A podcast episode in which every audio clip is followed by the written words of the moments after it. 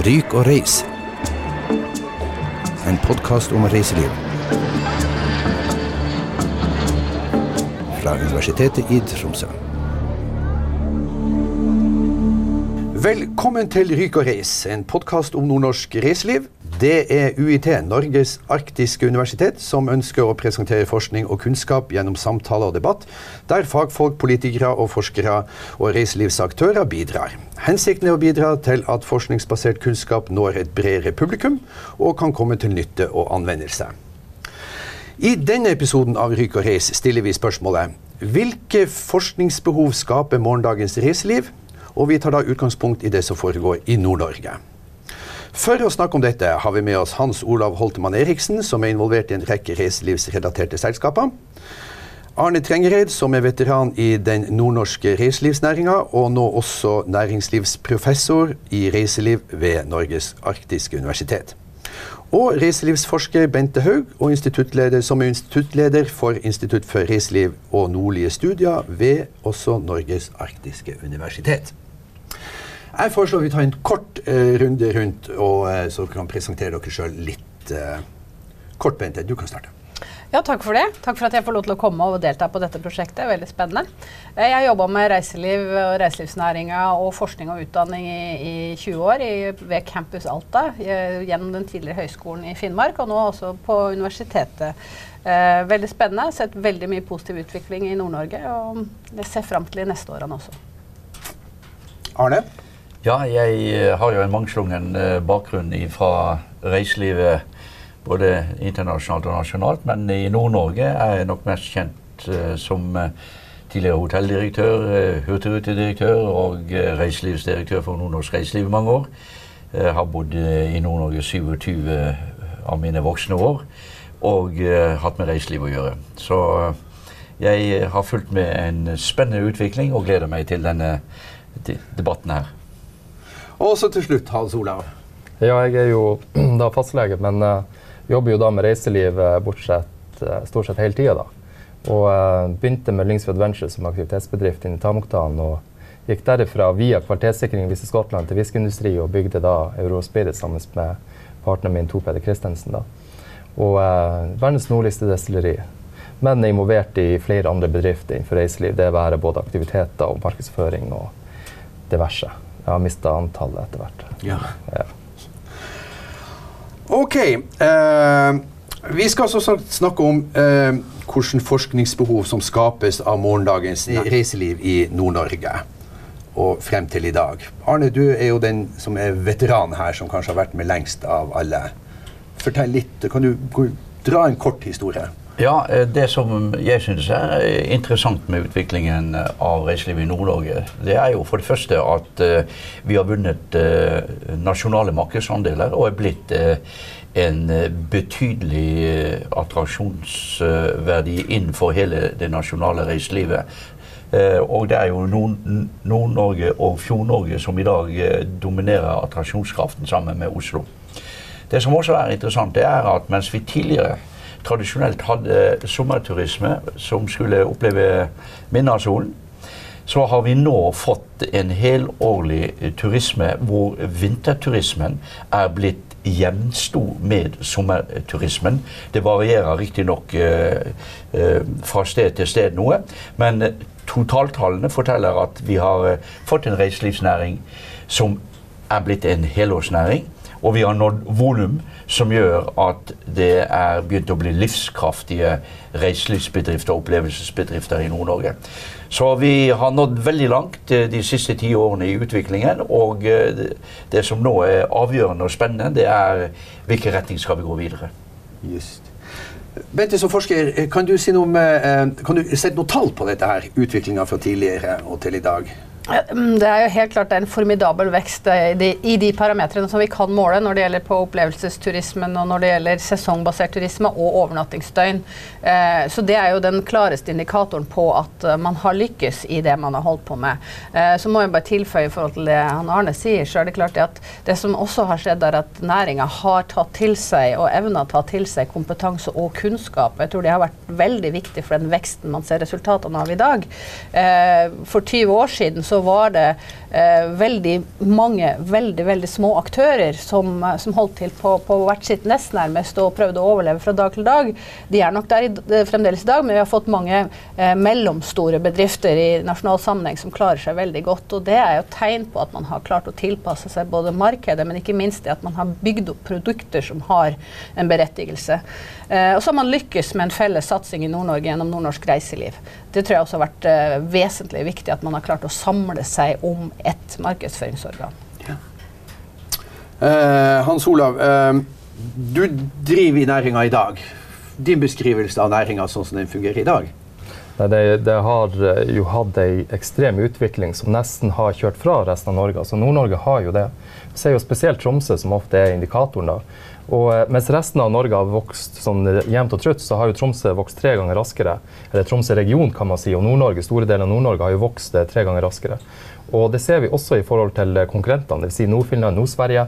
Og dette har foregått i årevis. Men det som kanskje er merket i næringa nå, det er det at det ser ut til å øke enda raskere. Dvs. Si at før var det jevnt uh, høyt påtrykk, men nå er det akkurat som det begynner å bøye opp enda. Altså kurven går enda raskere oppover.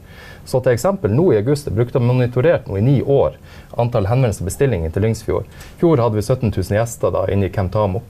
Og eh, det har vanligvis vært en sånn 20-30 oppgang hvert år. I år er det 90 Og eh, når jeg sist var nede i Frankfurt si, i april og diskuterte med Dertor, som er en veldig stor operatør, og de vurderte hvor de skulle sende gjestene sine, så diskuterte de Nord-Norge versus Island. Men Island har pga. krona og pga. Eh, avgifter og pga. Eh, store populariteten gjort at de har prisa seg opptil flere hundre kroner dyre sammenlignbare produkter med Nord-Norge. Så kort godt, Vi er konkurransedyktige som juling innenfor det segmentet vi er nå. Så er det viktig å presisere at Voice form for reiseliv i stor grad altså Reason to go er jo aktiviteter. Det er ikke den graden attraksjoner som store deler av resten av Norge kanskje baserer seg på. Oslo, Bergen. Vi har mennesker og aktiviteter som gjør at noen kommer til oss. Og det er interessant, for det er en helt egen form for reiseliv med mye interaksjon med gjester. Og det er veldig spennende, for den veksten du snakker om nå, den ser man jo flere steder også. Men det er på en måte før vi det hele tatt begynner å merke effekten av det asiatiske markedet. Det er helt I, I 2015 så var det 128 millioner kinesere som reiste ut. Og de har en målsetting om å øke det. altså Veksten er på 14-15% av kinesere som, som, reiser ut årlig. Eh, og det er klart at uh, Den veksten kommer vi til å merke også i Norge, eh, og, og definitivt i Nord-Norge. Eh, så, så utfordringa her tror jeg egentlig er at den veksten kan komme så fort at vi ikke er godt nok forberedt på å ta den. Ja, og det er viktig å ta inn over seg at uh, det er nå en eksplosiv vekst, og det er på høy tid at vi staker ut nå en felles strategi for hvordan vi skal mestre dette, slik at ikke vi kommer i uføre og bryter ned fremfor oss å bygge opp det potensialet vi har. Og da er det snakk om at ikke minst infrastrukturen blir tilrettelagt, slik at vi kan utvikle produkter som er høykvalitative. Og eh, jeg tror også tiden er moden for å diskutere om vi kanskje skal gå inn i noen høyere kvalitetsnisjer, som eh, er også enda mer kjøpekraftig, istedenfor å gå etter massene som vi gjerne har gjort til nå. Hans Ola? Akkurat det med kvalitet det er jo kjempeviktig. og eh, Nord-Norge har jo jobba lenge for å få tak i en kvartersikringsmodell, så Vi har jobba opp mot eh, Visit Skottland i flere år. Og faktisk så er det nå. Eh, nå skjer det. Nå går eh, Bergen og Tromsø sammen om å lage modell som skal testes ut på, eh, på kvartersikre bedrifter. Og det er to elementer, og det her er uhyre viktig. Sikkerhet først. Du må på en måte slå fast at du har lov til å holde på med det du holder på med. I dag er det ingen reguleringer. Du kan ta en 18-åring på en scooter og så tar ut en person fra Taiwan som aldri har beveget seg ut i villmarka hva det skal være, og du kan selge den turen til 2000 kroner per hode. Og du farter ut med noe som potensielt kan skade mennesker for livet. Og det er ingen regulering på dette. Så at vi må lage først en terskel, og så kommer det på en måte at du har det her på stell for å få lov til å holde på med det du holder på med. Og så kommer det andre. Hvordan er kvaliteten og selve opplevelsen? Og det der eh, customer experience fra Visit Scotland skal integreres noe mer og mer i bedriftene.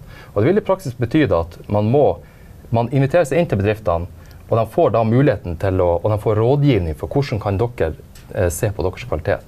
For Du kan gjerne ha en god del gjester, men det er måten du håndterer mest, eh, altså mengden av gjestene på, som ofte er det eh, kritiske. Og bare et eksempel der.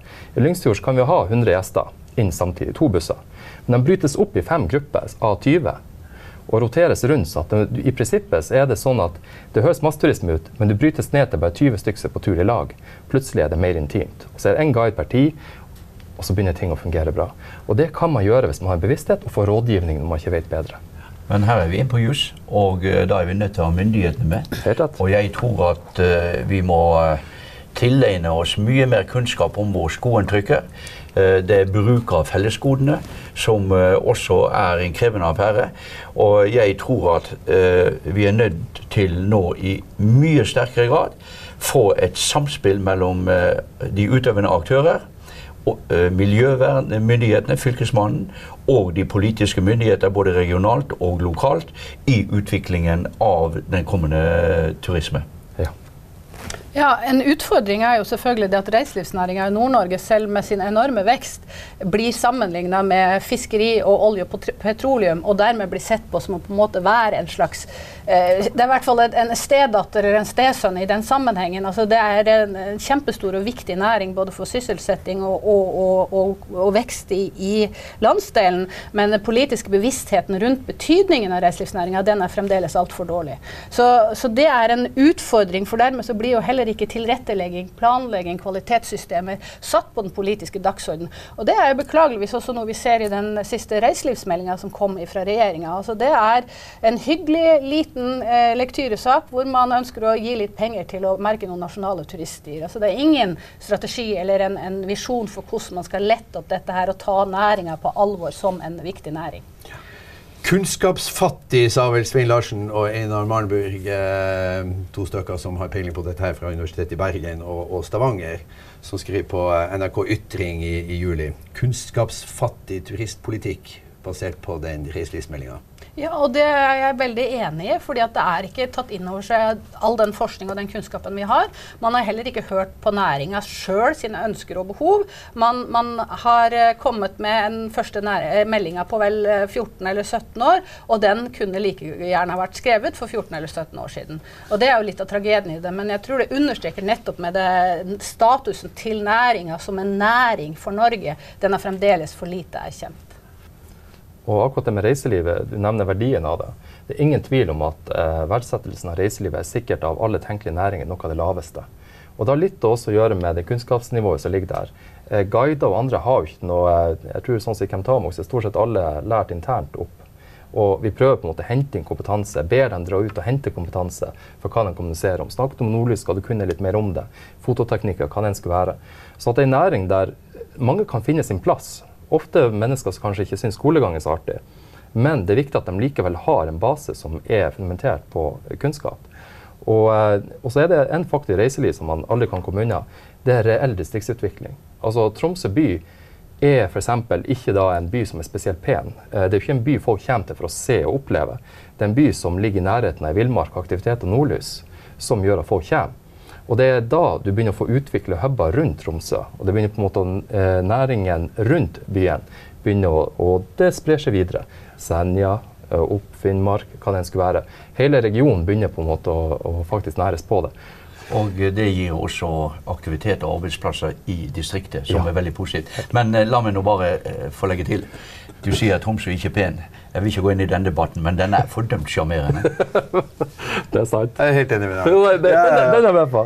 men, men, samtidig så er det noe med det at uh, ja, uh, det er lavterskel arbeidstilbud i mange sammenhenger, og så må den enkelte bedriften sørge for opplæringa sjøl, sånn som dere gjør. Ja.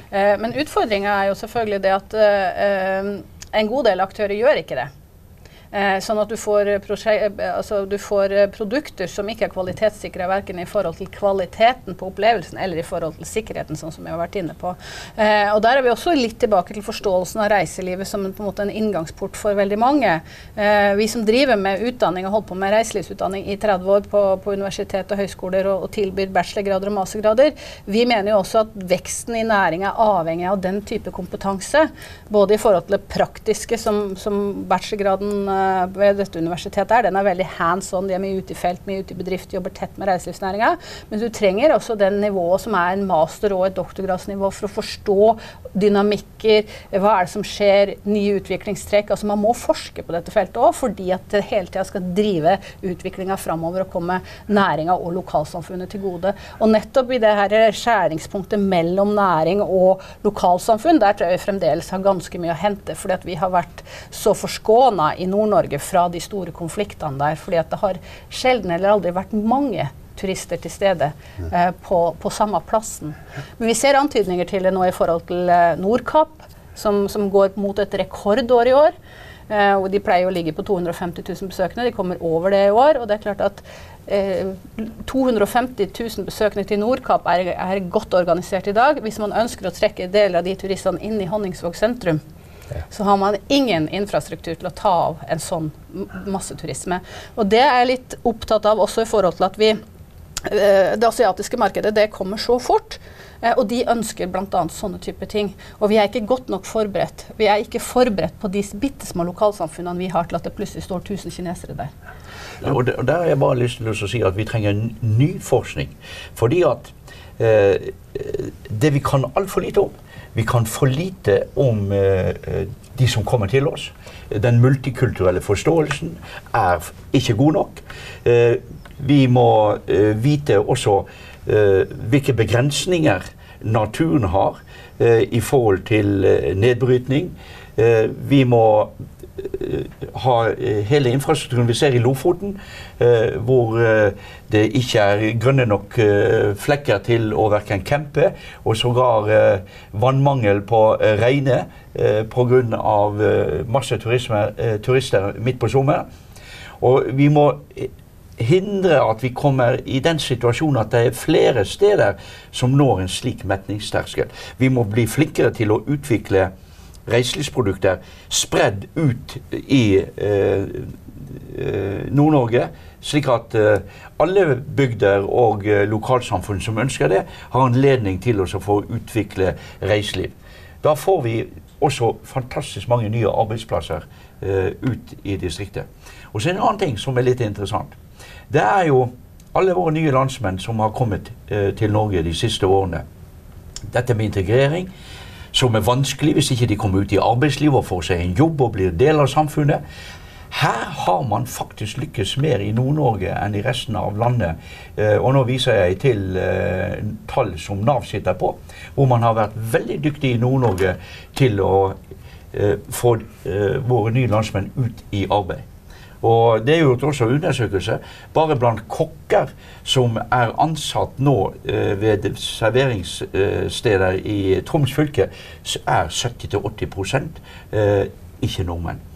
Og her har vi også en utfordring. Å bringe mer kunnskap inn i eh, disse menneskene som vi får jobb til.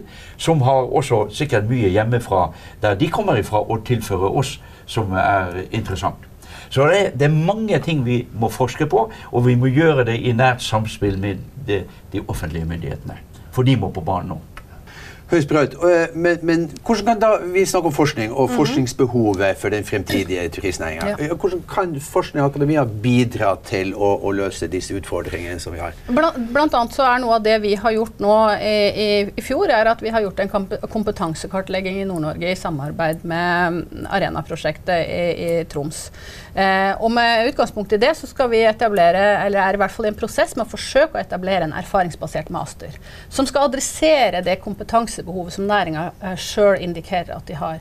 Og det er den samspillet vi må ha for å ha, være på en måte direkte hands on med næringa. Uh, I den andre enden av den skalaen så lyser vi ut nå et doktorgradsstipendiat uh, som skal se på asiatisk naturforståelse knytta opp mot reiseliv og utvikling av reiselivsnæringa. Men det tar, altså hvis vi har en utrolig rask eh, stipendiat som gjør unna jobben, så snakker vi tre til fire år fram i tid.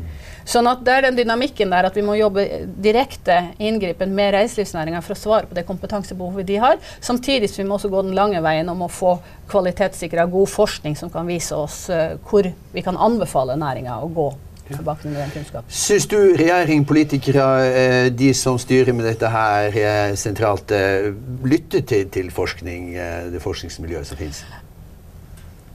Vanskelig å si om de lytter, men man kan vel si det at man får ingen følelse at de er veldig interessert i å få den kunnskapen. Det er en, en forståelse der ute at uh, reiselivsnæringa er, uh, er, der, og den vokser. Man er litt usikker på hvorfor den gjør det. Man kan si at markedsføringa fungerer.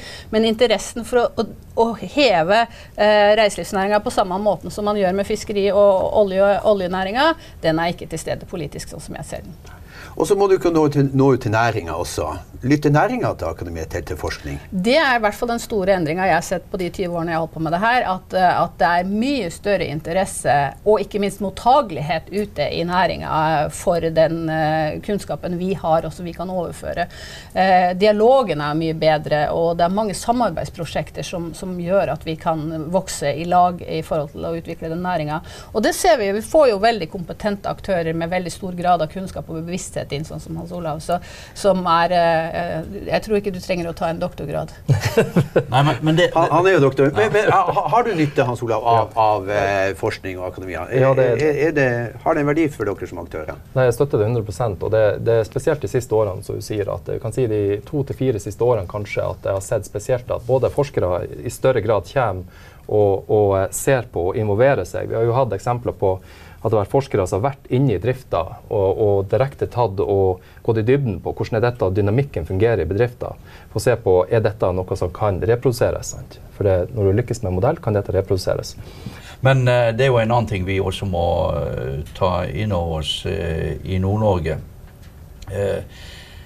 det er jo at vi, vi, har en saktere natur. Vi må gjøre utviklingen med omhu, slik at vi ikke ødelegger det pre vi har som eh, en uberørt landsdel. Eh, og det er jo noe av det som er årsaken til også at man besøker nord. Eh, det er eh, både den gode luften, det klare vannet, og ikke minst den uberørte, fantastiske naturen vi har. Så her ligger det eh, noen fremtidsoppgaver også og hviler tungt på oss. Og her er jo igjen spørsmål. Allemannsretten. Uh, skal den være helt fritt fremme, som vi har oppfattet den inn i fremtiden? Eller bør myndighetene, kommunene, inn med restriksjoner, eller i hvert fall med styring av trafikkstrømmene inn i fremtiden? Det er også et aspekt vi må ta inn over oss, som det trengs forskning på. Og akkurat derfor vi er nødt nå til å samle kreftene og så ja. stake ut en strategi sammen med myndighetene. Hvis ikke det, så går det galt. Jeg eh, kan love at vi i Ryk og Reise skal følge tett på turistnæringa. Det er sikkert ikke siste gang vi ser dere her. Og så uh,